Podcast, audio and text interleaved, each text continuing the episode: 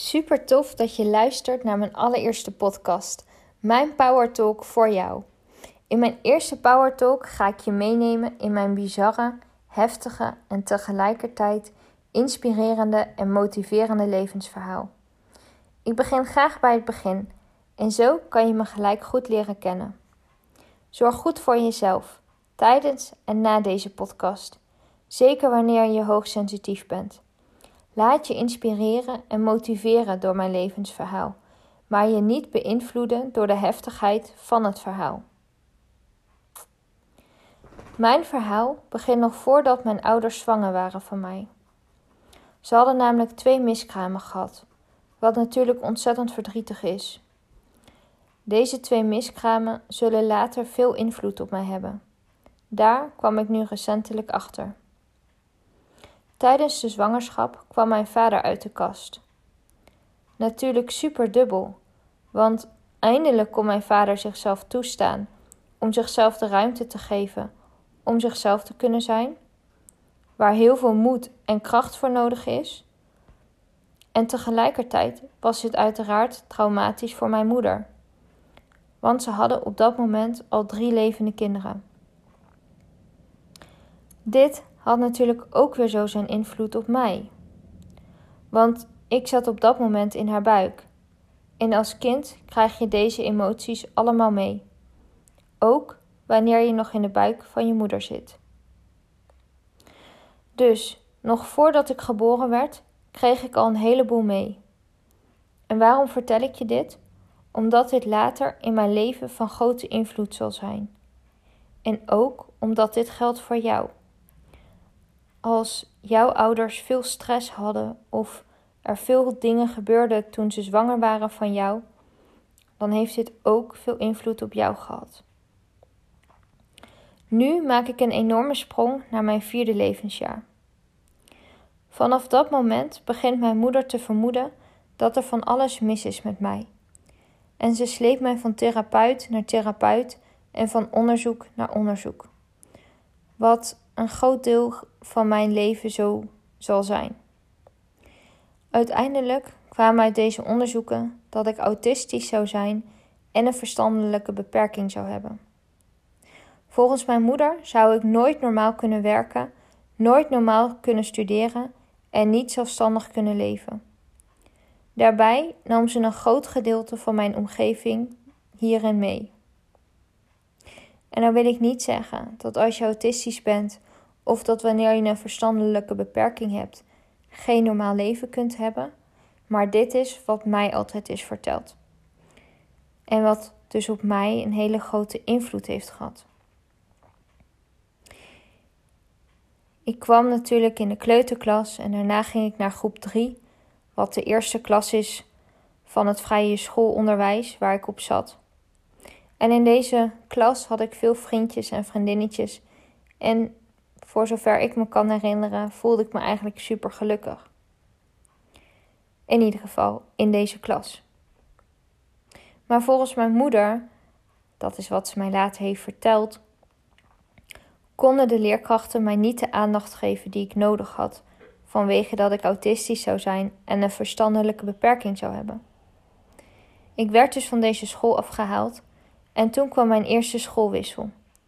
Ik ging naar het speciaal onderwijs vlak bij ons om de hoek. En op deze school is het beste begonnen. Er zouden nog een aantal scholenwissels plaatsvinden. Ik heb in het totaal op zeven verschillende scholen gezeten. Dit is inclusief het voortgezet onderwijs. En van mijn achtste tot mijn, achttien, tot mijn achttiende levensjaar ben ik gepest. En natuurlijk heeft ook dit heel veel invloed gehad op mij, op mijn leven. En heeft dat zeker ook nu nog in mijn leven invloed. Maar vanaf dat ik ongeveer een jaar of tien was, voelde ik heel sterk intuïtief dat het niet klopte hoe mijn moeder met mij omging en wat ze allemaal over me zei. Want, om een voorbeeld te benoemen, als ik op kinderkamp ging, dan nam ze een stapel met papieren en formulieren mee waarop stond wat autisme zou inhouden en hoe de tentleiders met mij om zouden moeten gaan. Dit heeft ze trouwens op twee kinderkampen gedaan. En ik weet nog, ik kan me nog herinneren, dat ik echt door de grond kon zakken. Omdat ik gewoon ook aan alles voelde dat het gewoon niet klopte wat ze zei. Maar ik was nog te jong om daar tegen in te gaan. Ik kon daar gewoon nog niet uitbreken. Want, nou ja, wat ik net al zei, ik was er veel te jong voor. Maar wel bleef ik vertrouwen op dit gevoel en vertelde ik mezelf dat ik dit allemaal mee moest maken voor een reden.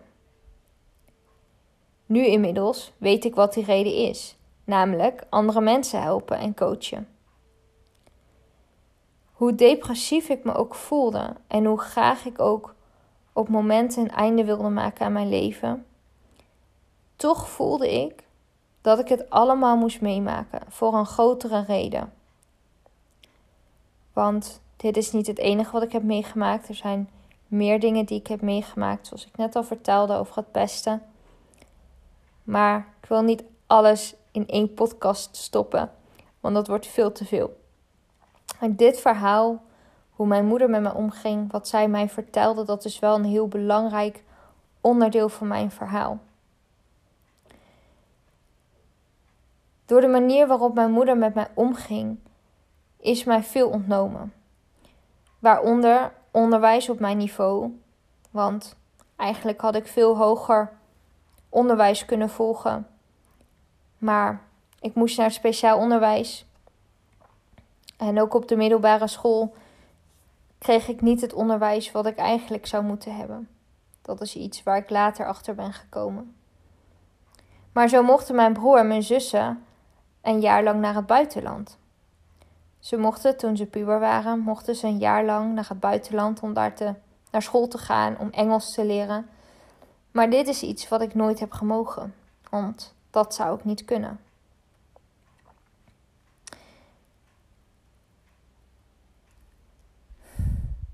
En dat is iets wat ik mijn moeder heel erg kwalijk neem, want het heeft voor mij heel veel invloed gehad op mij. En um, ik heb daardoor ook het gevoel gehad nooit gelijk behandeld te worden dan mijn broer en mijn zussen. Toen ik 17 jaar oud was, toen ben ik naar een gezinsvervangend tehuis gegaan. En dit is een gezinsvervangend tehuis voor kinderen met gedragsproblemen en met een verstandelijke beperking. Een plek waar ik helemaal niet thuis hoorde. En um, nou ja, hier zijn ook allerlei dingen gebeurd, allerlei nare dingen gebeurd. Ehm, psychische verwaarlozing. Ehm, maar ook kreeg ik daar te horen dat ik alleen maar bij hun kwam zodat zij geld binnenkregen. Maar ik kreeg helemaal niet de aandacht die ik nodig had. Ik werd ook apart gezet van de rest van de groep. En dit is een hele traumatische tijd ook voor mij geweest. Ik werd ook heel erg geïsoleerd van nou ja, van de andere uh, kinderen die daar woonden, maar ook van mijn ouders, ook van mijn gezin waar ik uitkwam. En um, ja, ik heb hier elf maanden gewoond en um, ja, dit is, een, dit is een verhaal, daar zal ik later nog een keer een podcast over opnemen. Maar ik wilde het nu alvast even benoemen. Ik heb hier uiteindelijk elf maanden gewoond en vlak voor mijn achttiende verjaardag um, kwamen eindelijk mijn ouders er gelukkig achter ja, hoe verschrikkelijk het daar was. En zij hebben mij daar toen weggehaald. Gelukkig, daar ben ik ze ook echt heel erg dankbaar voor. Ik neem ze heel veel dingen in mijn leven kwalijk. Uh, maar dat is iets waar ik ze echt wel heel erg dankbaar voor ben.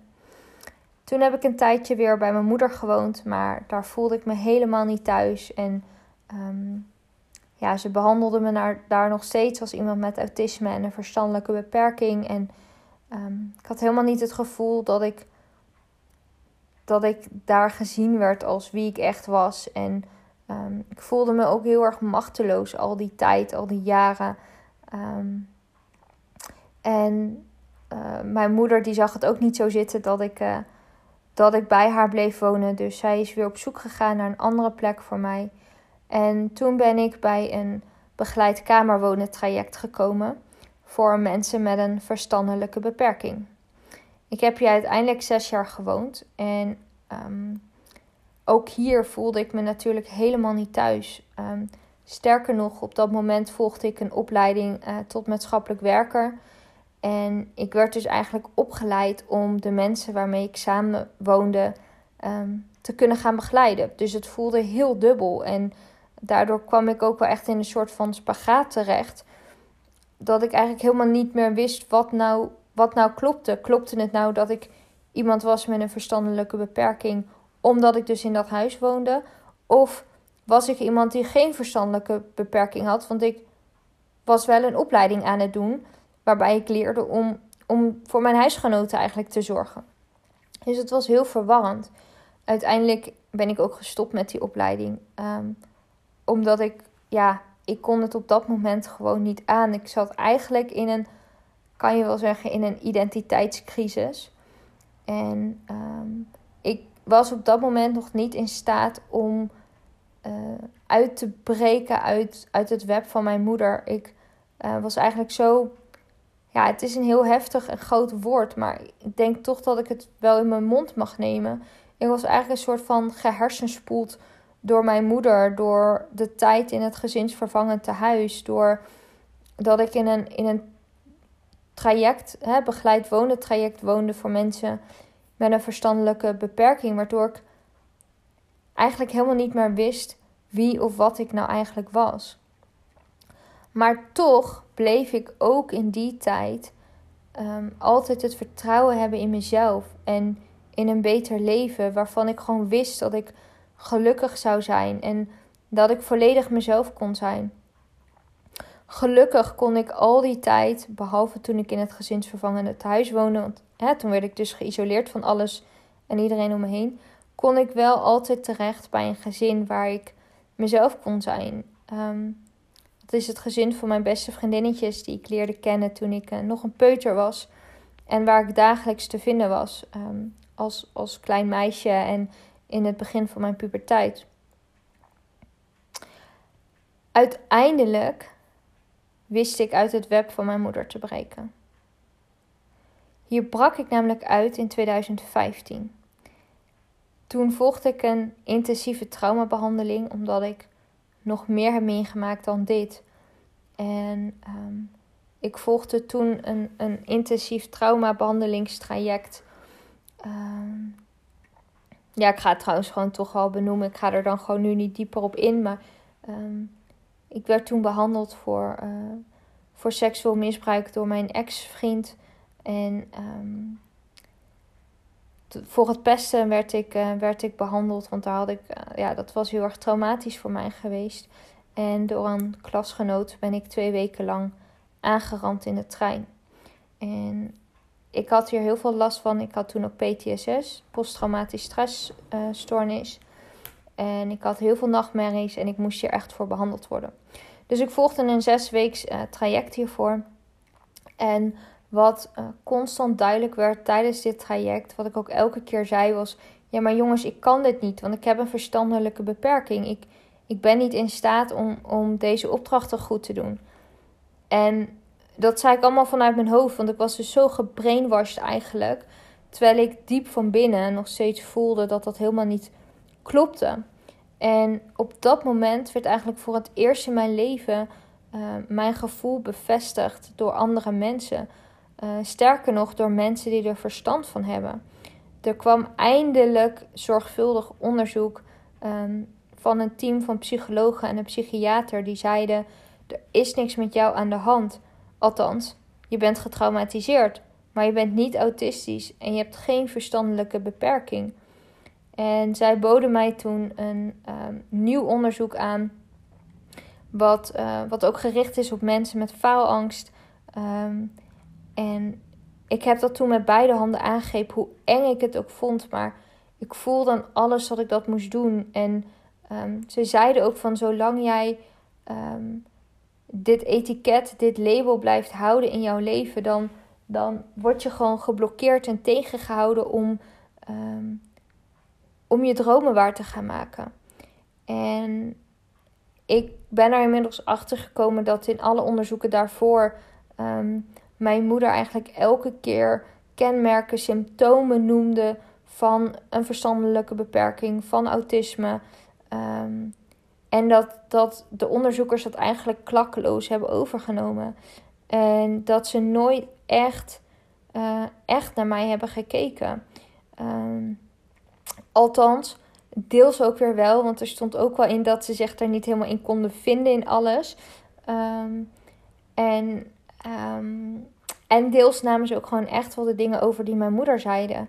En hoe komt het dan dat, dat dit toch uit onderzoeken kwam en uit, uit IQ-testen? die vraag hoor ik jezelf stellen in je hoofd. dat komt omdat enerzijds mijn moeder daarin dus echt heeft moeten manipuleren. En wat ik net al zei, dus symptomen noemde, kenmerken noemde. Ehm, en dat die dus gewoon klakkeloos zijn overgenomen.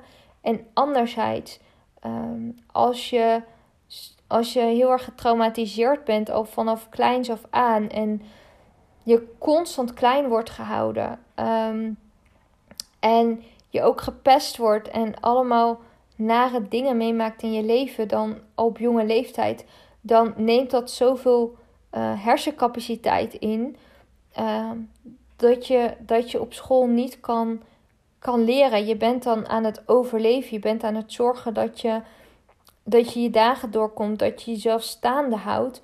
En je hebt op dat moment niet de capaciteit nog, de ruimte nog in je hoofd, in je lijf, in je hele systeem om, uh, om goed op te letten. Want, want je moet continu alert zijn uh, op alles en iedereen om je heen. Dus dat is ook de reden waarom dit, uh, ja, waarom dit er telkens uitkwam.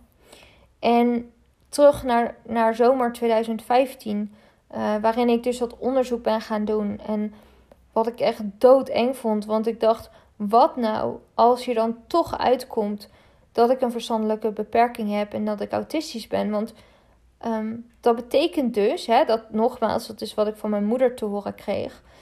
Um, dan ben ik dus niet in staat om ooit zelfstandig te leven, om te kunnen studeren, om te kunnen gaan werken. En toch heb ik het gedaan en ik heb fantastische begeleiding gehad en ik ben deze mensen echt tot op de dag vandaag zo ontiegelijk dankbaar, want door hun is mijn leven werkelijk volledig um, veranderd. Um, en toen, toen ging ik van um, de overtuiging, hè, omdat ik dat altijd te horen kreeg: van je kan nooit zelfstandig leven, je kan nooit normaal studeren, je kan nooit normaal werken. Ging ik ineens naar: wow, de wereld ligt voor me open. En ik, ik kan gewoon alles bereiken wat ik wil. En um, en ja, toen, toen begon dus ook het moment, de reis uh, naar mezelf. Om te ontdekken van, hé, hey, wie ben ik nou eigenlijk? Wat wil ik in mijn leven? En hoe kom ik daar? Wat zijn mijn dromen? Maar vooral ook, wie ben ik in de kern? Want er is mij zo lang van alles aangepraat wat ik helemaal niet ben en wie ik helemaal niet ben. En met heel hard werken aan mezelf heb ik mijn dromen bereikt. Uh, die voor veel andere mensen normaal zijn.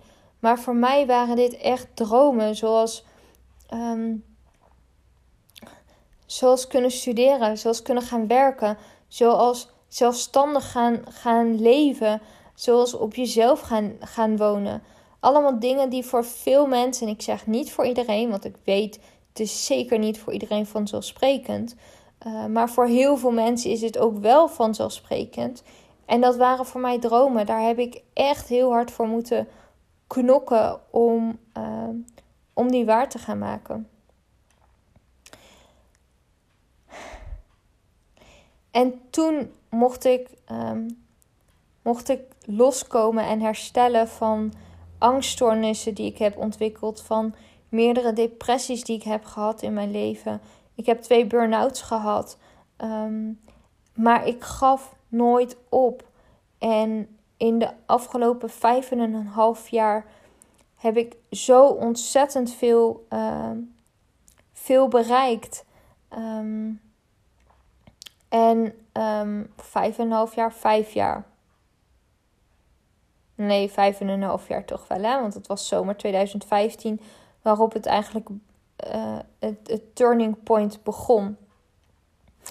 En ik heb zoveel bereikt door te blijven vertrouwen in mezelf. Door, uh, door te blijven vertrouwen op de enorme power die ik in me heb. En, en ik geloof er echt in dat iedereen die power in zich heeft. En dat iedereen enorm veel vertrouwen in zich heeft. Alleen dat je dat het gedurende je leven kan kwijtraken. Dus als je mij dit nu hoort zeggen en je hebt zoiets van ja, maar ik voel dat niet.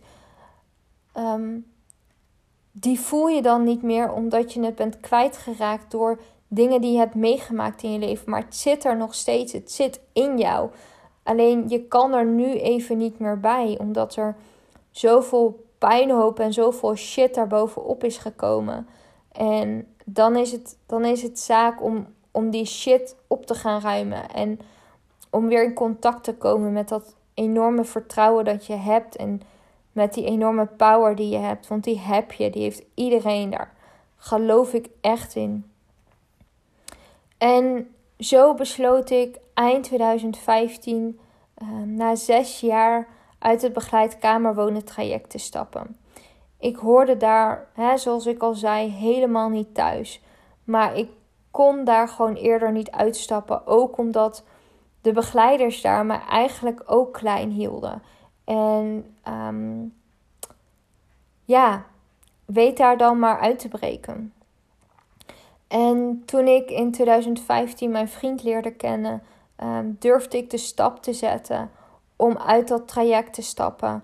En uh, ik ben toen ook vrij snel ook gaan samenwonen met mijn vriend. Um, mede omdat ik op dat moment met mijn ex samenwoonde. Um, en nou ja, en ik ben dus nog steeds heel erg gelukkig samen met mijn vriend. Dat is wel even anders geweest. We zijn ook zeven maanden uit elkaar geweest. Uh, maar inmiddels zijn we weer samen en ja, gaat het super goed. En doordat ik die keuze maakte eind 2015, ben ik dus ook eindelijk op mezelf gaan wonen. Heb ik een stap gezet waarvan mijn moeder altijd zei dat ik dat nooit zelfstandig zou kunnen. En dat gaat hartstikke goed. En um, nou ja, ik ben toen ook in een, in een intensief therapietraject gestapt om, uh, ja, om los te komen, ook van mijn familie. Om los te komen van al die patronen, van al die blokkades, om mezelf uit te vinden. En um, vervolgens besloot ik in januari 2017 mijn voornaam te veranderen. Iets wat je waarschijnlijk niet vaak hoort, maar ik kon mijn voornaam niet meer horen, niet meer zien, niet meer uitspreken, niet meer schrijven. Ik werd er letterlijk misselijk van, en ik, ik kreeg het gewoon niet meer uit mijn strot. Um, er kleefde zoveel trauma's aan mijn naam. Aan mijn naam. Um, ik moest gewoon het veranderen. En het voelde ook helemaal niet als mijn naam. En ik heb mezelf toen vernoemd naar mijn allereerste hond, Joel, een golden retriever, die enorm veel voor mij heeft betekend. Hij kwam in 2014 in mijn leven. Uh, in een periode dat ik heel erg depressief was. Dat ik um, ja, het leven eigenlijk ook niet meer zag zitten. En hij heeft mij serieus letterlijk gered. Um, helaas heeft hij maar twee jaar oud mogen worden. Um, hij, had, hij, ja, hij was ziek. Um, ik zal daar later uh, een, uh, een uitgebreide podcast over opnemen. En hij heeft zoveel voor mij betekend dat het voor mij heel erg logisch voelde. Hij was toen ook echt net een paar maanden uh, geleden overleden. Dat het voor mij heel erg logisch voelde om zijn naam over te nemen en hem daarmee te eren. maar het voelde ook als een naam die bij mij past en die bij mij hoort. En eh, zo besloot ik om het een vrouwelijke naam te laten worden door een E achter te plakken. Dus werd het Joelle. Ehm, maar het liefst word ik eigenlijk gewoon Joël genoemd. En ja, dat, dat gaf mij letterlijk eigenlijk uh, al een nieuwe identiteit. Doordat ik dus koos voor een nieuwe naam. En um, een paar maanden later durfde ik dan ook eindelijk de stap te zetten om na vijf jaar twijfelen het contact met mijn familie te verbreken. Dit is ook een keuze die je niet heel makkelijk maakt. En ehm, ik heb daar serieus echt een jaar of vijf over gedaan om, om die knoop door te hakken. Het was wel dat ik jaren daarover nadacht en al jaren merkte dat ik helemaal niet gelukkig werd van, van mijn gezin van herkomst. En dat ik niet mezelf kon zijn en dat ik altijd met tegenzin er naartoe ging. En ehm, dat, ik, dat ik ook het gevoel had dat ik klein gehouden werd. Niet alleen door mijn moeder, maar ook door de rest van het gezin. En ik voelde me zo geblokkeerd door, door het contact met hun dat ik ehm, besloot om echt voor mezelf te kiezen. En toen, nou ja, de druppel was ook. Ehm, en dit maakt het verhaal nog bizarrer. Bizarder, biz, bizarrer. Nou ja, nog meer bizar. Um, omdat mijn moeder kreeg een liefdesrelatie met mijn vertrouwenspersoon, mijn therapeute. Het is ook een vrouw. Ik heb helemaal niks tegen, tegen mensen die homoseksueel zijn. Want nou ja, ik ben ermee opgegroeid en ik, ik heb daar helemaal niks tegen. Um, sterker nog, ik vind het heel erg mooi als, als, je, ja, als je dat gewoon de ruimte geeft. Terwijl dat in deze maatschappij helemaal niet Hè? Ja, daar wordt van alles van gevonden. Dus ik vind het juist heel sterk als je voelt dat je uh, verliefd wordt op iemand van hetzelfde geslacht. En je gaat daar gewoon voor. Maar het is meer het gevoel dat, je, dat ik me verraden voelde. Want uh, deze vertrouwenspersoon, uh, mijn therapeute, die, die betekenen zoveel voor mij. Ze was eigenlijk als een moeder voor me. En ik besprak met haar alles wat ik eigenlijk met mijn moeder had willen bespreken. Zo wist zij werkelijk alles van mij. En zij wist ook over de moeilijke band met mijn moeder. En um, over dat ik ook al twijfelde of ik überhaupt nog wel contact wilde met mijn gezin van herkomst. En voor mij was dat op dat moment. Um, ja, de druppel die de emmer deed overlopen. En ik heb toen voor mezelf gekozen. En ik voelde ook dat als ik deze keuze nu niet maak, dan duurt het nog heel lang voordat ik mijn dromen waar ga maken. En duurt het nog heel erg lang voordat ik echt mezelf kan gaan uitvinden en kan ontdekken wie ik ben. Dus op dat moment verbrak ik het contact met mijn beide ouders, met mijn broer en met mijn twee zussen. En um, en dus ook met de, hè, met de nieuwe partner van mijn, uh, van mijn moeder. Wat dus mijn vertrouwenspersoon was. Het was toen echt klaar voor mij. En het was de tijd om mezelf de ruimte te geven. Om mezelf te mogen zijn. Om mijn dromen waar te maken. In plaats van klein te blijven. En hoe hard dit ook klinkt. Maar dit is één van de beste keuzes van mijn leven geweest. Want daardoor ging er een wereld voor mij open. En... Um, Pardon, er moest even een boertje uit. En het maakte dat ik, um, dat ik ging herstellen van mijn burn-out die ik op dat moment had. Het maakte dat ik tussen 2016 en 2019 drie opleidingen heb behaald. Waarvan mijn moeder zei dat ik dat nooit zou kunnen. Zo studeerde ik in 2,5 jaar af um, voor mijn opleiding tot maatschappelijk werker. Um, tegelijkertijd dat ik die opleiding volgde, begon ik met de opleiding uh, tot systemisch en energetisch coach met de hond als spiegel. Uh, waar ik in, in een maand of acht um, voor afstudeerde. En een paar maanden later volgde ik de opleiding tot HSP-begeleider. En zo ronde ik in drie jaar tijd drie opleidingen af. en bewees ik toch echt maar even het en tegenovergestelde van wat mijn moeder al die tijd zei.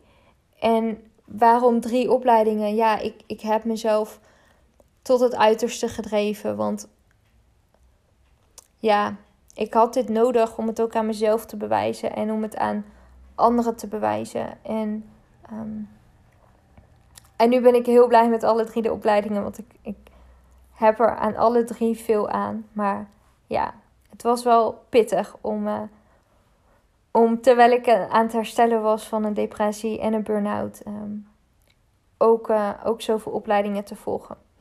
En vervolgens kreeg ik ook vrienden waar ik echt mezelf kon zijn. En die mijn potentie zagen en die me steunden in het proces om mezelf te mogen zijn. Om los te breken van mijn trauma's. Iets waar ik ze enorm dankbaar voor ben. Terwijl voordat ik deze vrienden kreeg, en dat is ook een mooie voor jou als je nu luistert en je hebt vrienden om je heen waar je, je, waar je niet het gevoel bij hebt dat je jezelf kan zijn. Of eh, waardoor je je niet gezien voelt, waardoor je je niet gesteund voelt. Ik heb dat ook gehad voordat ik, voordat ik de vrienden kreeg die ik nu had. En ik kwam erachter dat dit eigenlijk alles te maken had met mezelf. Want ik tolereerde dat. Ik, um, ik gunde het mezelf niet om vrienden te hebben die, um, die er echt voor me waren. En die, waarbij het ook een gelijkwaardig contact was. En op het moment dat ik mezelf dat begon te gunnen. En ook op het moment dat ik begon te merken en te zien welke, ja, wat voor waardevol, mooi persoon ik zelf ben. Um, toen kreeg ik eigenlijk automatisch, kwamen er mensen op mijn pad.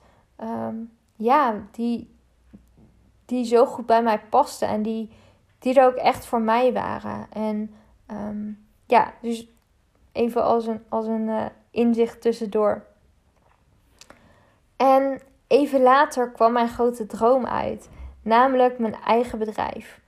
Al um, snel voelde ik um, dat, ik dat ik nooit voor een baas wilde werken. op het moment dat ik uit, uit mijn depressies kwam, uit mijn burn-out kwam, uit mijn angststoornissen kwam, uit alle ellende eigenlijk kwam van vroeger, um, merkte ik al aan mezelf dat ik, dat ik niet voor een baas wilde werken. Maar dat ik mijn eigen baan wilde gaan samenstellen. Een baan waarin ik echt mezelf kan zijn. En waarin ik al mijn levenservaringen um, kan inzetten om anderen te motiveren en te inspireren om ook hun leven te leven in plaats van dat van een ander. En um, ik wilde ook een baan of werk waarin ik mijn drie grote passies kwijt kan. Namelijk mensen coachen, honden en de natuur. Want met mijn bedrijf inspireer ik, motiveer ik en coach ik hoogsensitieve hondenliefhebbers om hun hoogsensitiviteit te gaan ervaren als een talent en niet langer als een last. Want geloof me, dat is niet nodig. Als je nu weet van jezelf dat je hoogsensitief bent en je merkt dat dat een enorme last voor je is, blijf niet in die slachtofferrol hangen, want het hoeft niet. Het hoeft geen last te zijn. Als jij leert hoe je daarmee om kan gaan, als je leert goed voor jezelf te zorgen, ehm, dan hoeft dit echt geen last te zijn. En ik heb gemerkt dat het eerder wel een last voor me was. Maar ik wilde niet dat dat langer zo bleef. Dus ehm, ben ik gaan ontdekken hoe ik ervoor ging zorgen dat dat geen last meer was. En toen ik dat had ontdekt, had ik zoiets van ja, maar dit wil ik delen met anderen. Dus dit wil ik andere mensen leren. Maar daarnaast um, coach en inspireer ik en motiveer ik ook mensen, mijn klanten, om uh, hun dromen te ontdekken en om ze waar te maken. Ondanks wat je allemaal hebt meegemaakt. Um, want hè, als je mijn verhaal erbij pakt, ik heb zo ontiegelijk veel meegemaakt en toch heb ik mijn dromen ontdekt en toch ben ik mijn dromen gaan waarmaken. En zal ik altijd mijn dromen blijven waarmaken. Um, en daarbij kijk ik ook met mijn klanten, hè, met de mensen die bij mij een traject volgen, um, kijk ik ook naar alle levensgebieden. Zoals je familie, je vriendschappen, je relatie, je werk, wonen, zingeving. Um, om te kijken van hé, hey, hoe gaat het op dat gebied? Ben je, ben je daar tevreden mee? Hoe voelt het op dat gebied? Um, uh, word je er blij van? Word je er gelukkig van? Of mag er iets veranderen? En wat mag er dan veranderen? En hoe ga je dat veranderen? Want jij verdient het gewoon, potverdorie, jij verdient het gewoon om, om je meest gelukkige leven te leven. En natuurlijk maken we dingen mee die niet leuk zijn. En die zullen we ook blijven meemaken. En ik geloof er ook in dat dat ook bij het leven hoort. Het leven is niet alleen maar um, fantastisch. We, we maken ook dingen mee die niet leuk zijn. Maar dat hoort erbij. En um, van de dingen die niet leuk zijn die je meemaakt, uh, kan je zo ontiegelijk veel leren. Um, je hebt zo een grote keuze in hoe je daarmee omgaat. Um, blijf, je daarin, blijf je daardoor meeslepen of laat je daardoor meeslepen en uh, ga je in een hoekje van de bank kruipen en denken van nou ja, hè, eh, dit is maar mijn leven, dus ik moet het hier maar mee, maar mee doen. En ik heb pech gehad en ehm, nou ja, laat allemaal maar zitten. Wat ik snap hè, eh, ik bedoel, snap ik. Maar je hebt ook de keuze om ervoor te kiezen van oké, ik heb dit meegemaakt. En ernaar te kijken zoals ik dat ook gedaan heb. Uh, oké, ik heb dit moeten meemaken voor een reden. Um, om dan vervolgens te ontdekken wat die reden is, wat je, wat je van die situatie mag leren, um, hoe je daaruit kan komen. En om dus vervolgens jouw droom ook waar te gaan maken. Want ja, jij verdient dat. Iedereen verdient dat. Jij verdient dat. Ik verdien dat. En um, weet je, als ik, als ik naar mijn moeder was blijven luisteren, als ik was blijven geloven in alles wat zij tegen mij zei, al die jaren, hoe zij al die jaren met mij om is gegaan, dan, dan had ik hier nu niet gezeten om deze podcast voor jou op te nemen. Ehm, dan was ik niet mijn bedrijf gestart, uh, waarmee ik nu hele lieve, mooie mensen mag helpen om, om verder te komen. Um, dus, dus dan, dan had ik nog in dat begeleid kamerwonen traject gezeten. En had ik mezelf nog laten aanpraten dat ik dat allemaal niet zou kunnen. En ik heb ervoor gekozen om daar niet naar te blijven luisteren. En ik heb ervoor gekozen om van alles wat ik heb meegemaakt, om uh, te kijken naar waarom ik dat moest meemaken. Wat het mij mag, wilde leren, wat ik ervan mocht leren, hoe ik mezelf daardoor verder kon ontwikkelen. En um, dat is echt een keuze die ik heb gemaakt. En die keuze kan jij ook maken. En um, wat als een, als een rode draad um, door, door mijn werk heen gaat, door mijn bedrijf heen gaat, door alles wat ik doe binnen mijn bedrijf, uh, zijn honden. Ik zet namelijk honden in tijdens coachsessies, omdat honden je enorm veel te leren hebben over jezelf. Um, waardoor je persoonlijke ontwikkeling in een sneltreinvaart gaat. En toen Joël, mijn eerste hond, in mijn leven kwam, toen um, kwam ik erachter dat ik heel graag iets met honden wilde doen. Maar ik wist ook dat ik heel graag iets met mensen wilde doen. Ik wist dus alleen nog niet zo goed hoe ik die combinatie kon gaan maken tussen mensen en honden. Maar hier kwam ik achter toen ik uh, aan het einde van mijn burn-out kwam en inmiddels mijn tweede hond in mijn leven had, uh, had gekregen, Flo, een border collie. Toen um, heb ik uh, coachsessies gevolgd samen met Flo. En toen kwam ik er dus achter hoe waardevol het is om honden in te zetten tijdens de coaching. En zo kwam ik er op dat moment eindelijk achter in 2018 hoe ik die combinatie kon maken um, tussen met honden werken en mensen coachen. En dat, dat is dus door honden in te zetten tijdens de coachsessies. Um, en ook, uh, nou ja, dit zijn honden van klanten zelf of mijn eigen honden. Maar daarnaast leer ik je ook hoe je zelf kan gaan ontdekken wat je hond of je honden, als je meerdere honden hebt, je laten zien in het dagelijkse leven. Waardoor je dus eigenlijk altijd een vierpotige coach bij je hebt, die je steunt en voor je is en je verder helpt. En ik vind dat geweldig om te doen. Ik, ik hou ervan om mensen te coachen. Ik hou ervan om mensen verder te helpen. Ik hou ervan om mensen te inspireren, om ze een schop onder hun kont te geven, om, um, om, om je eigen, eigen leven te gaan leven. En um, nou ja, het allerliefst doe ik dat eigenlijk in de natuur, um, samen met honden dus.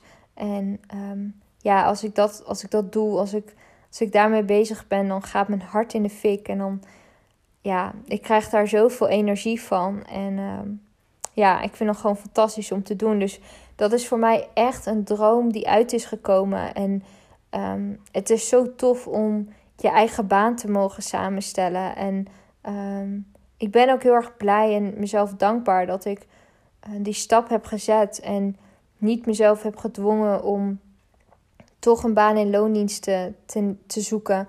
Maar om vanuit mijn Wajong-uitkering uh, mijn eigen bedrijf op te starten. En um, nou ja, op die manier voor mijn eigen inkomen te gaan zorgen. Op een manier die bij mij past. Op een manier waar ik gewoon zo zielsgelukkig van word. Maar ook waarin ik alles wat ik heb geleerd ehm, tijdens alle therapieën die ik in mijn leven heb gevolgd, tijdens alle coachingsvormen die ik heb gevolgd.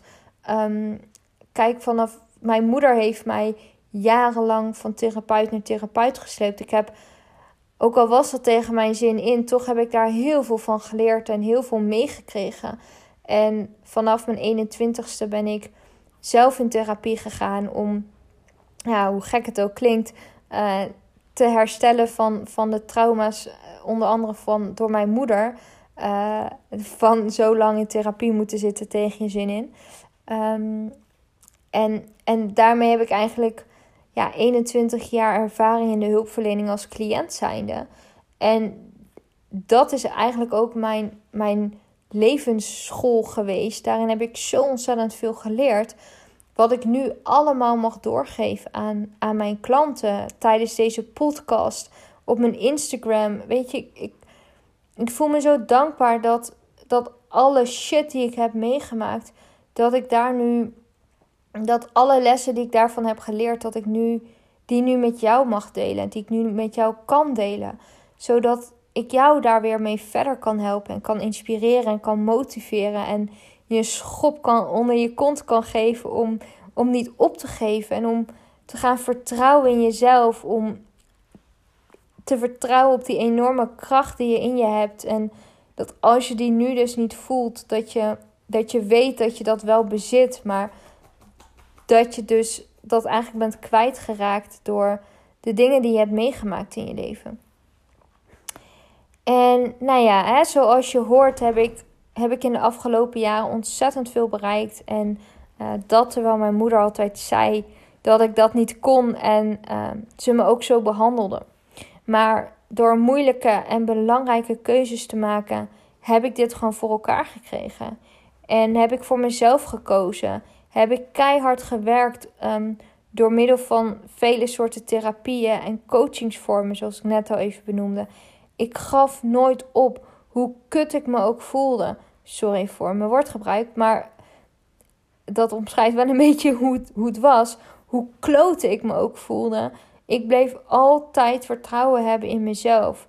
En dat terwijl dat juist altijd bij me weg is genomen door, door onder andere mijn moeder. Maar ik, ik wilde gewoon niet opgeven. En ik, ja, ik, ik bleef dat vertrouwen gewoon altijd in mezelf houden. En ik geloof erin dat jij dat ook kan. En uh, ik geloof gewoon dat jij, jij ook zo'n enorme power en zo'n enorm vertrouwen in jezelf hebt. Ook wanneer je deze nu niet voelt. Ik zeg het nog een keer. Um, want dit wordt bij de meeste mensen gewoon ondergesneeuwd door alles wat je meemaakt in je leven. En dan is het dus zaak om uh, dat vertrouwen en om die power weer terug te vinden. En met mijn levensverhaal, met deze allereerste podcast, met mijn allereerste Power Talk, wil ik je inspireren en motiveren dat je werkelijk alles kan bereiken wat je maar wil, waar je ook vandaan komt. Want laten we eerlijk zijn, ik heb totaal geen eerlijke start gehad. Maar ik leef nu wel mijn droomleven. En ik heb ervoor gezorgd dat ik uit de shit kwam. En dat ik het leven creëerde wat ik zo graag wilde. En Jij kan dit ook. Daar geloof ik echt in. Want als ik het kan, dan kan jij het ook. En weet ook hè, dat je dit helemaal niet alleen hoeft te doen. Je mag hier hulp uitvragen. Um, zoek degene die bij jou past. Uh, dat is zo belangrijk. Het is zo belangrijk om hulp te hebben, om begeleiding te hebben van mensen die bij jou passen, die bij jou aansluiten. En als je nu door mijn verhaal um, zo geïnspireerd bent geraakt en je voelt door mijn verhaal een klik met mij en je hebt zoiets van, nou, hé, hey, ik, ik, wil eigenlijk wel door jou geholpen worden, het spreekt me wel aan, ehm, neem dan zeker contact met mij op. Um, dit kan je doen door mij een mail te sturen. Ik zal uh, mijn mailadres in de omschrijving van de podcast zetten. En als je Instagram hebt, dan uh, kan je mij ook volgen. Um, ik ben te vinden onder de naam Joelle HSP Power Coach. En nou ja, daar kan je mij in ieder geval gaan volgen en me ook beter leren kennen. Um, En natuurlijk komen er nog veel meer van dit soort power talks aan. En deze zullen gaan over werkelijk alles dat te maken heeft met je dromen ontdekken en waarmaken. Um, met je hoogsensitiviteit gaan ervaren als een talent. Over de spiegels en de wijze lessen van honden. Um, zodat jouw persoonlijke ontwikkeling in een sneltreinvaart gaat. En zodat de verbinding met jouw hond zal gaan versterken. Uh, ook al is deze nu al heel sterk. Um, die kan altijd nog sterker als je ervoor open staat om op een andere manier nog naar je hond te kijken. Dus um, dat kan je in ieder geval van mij verwachten. En um, als jij deze Power Talk, uh, mijn eerste podcast, nou inspirerend vond, uh, dan zou ik het super tof vinden als je, als je een screenshot hiervan wil maken. Van dat je deze podcast hebt geluisterd en dat je deze deelt op social media. Bijvoorbeeld in je stories op Instagram of op Facebook. En um, het zou mij heel erg helpen. En ik zou het ook gewoon super tof vinden om te, te merken dat uh, wie deze podcast luistert en wat je daaraan hebt gehad. Um, en dat je mij dan tagt daarin. Uh, want zo kan ik nog meer mensen bereiken met mijn verhaal. Kan ik nog meer mensen helpen om hun droomleven te ontdekken en om hun droomleven waar te maken. Um, om ze te, te helpen hun hoogsensitiviteit te gaan ervaren als een talent. En ook om de spiegels en de wijze lessen van hun honden te ontdekken. Um, daar zou je mij dus enorm mee helpen, want daardoor kan ik mijn droom nog meer leven. Um, kan ik nog meer doen wat ik fantastisch vind om te doen. Maar vooral help je daar ook andere mensen mee. En um, nou ja, ik zou het gewoon heel tof vinden als je dat zou willen doen. Als je nou zegt van nou, ik vind het een beetje lastig om, uh, om dat te delen. Dan uh, vind ik het heel leuk als je mij een, uh, een berichtje wil sturen. Um, wat je eraan hebt gehad, welke inzichten je hier uithaalt.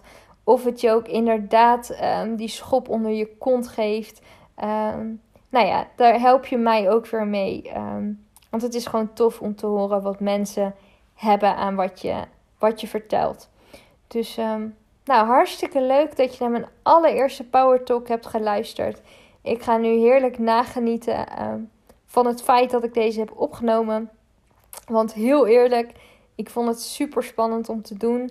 Um, ik wilde al weken, als wel niet maanden, starten met deze podcast. Maar op de een of andere manier voelde ik me, voelde ik me nog geblokkeerd. En ja, durfde ik het nog niet zo goed. Maar uh, vandaag was het moment om het gewoon te doen. En uh, nu kwam ook eigenlijk alles heel uh, vloeiend uit mijn mond. En ja, blijkbaar was het vandaag het, het juiste moment om het te doen. Nou, nogmaals, super tof dat je hebt geluisterd. Heel erg bedankt. Um, en ik hoop echt dat je er wat aan hebt gehad. En dan hoor je mij weer bij de volgende Power Talk. Doei doeg!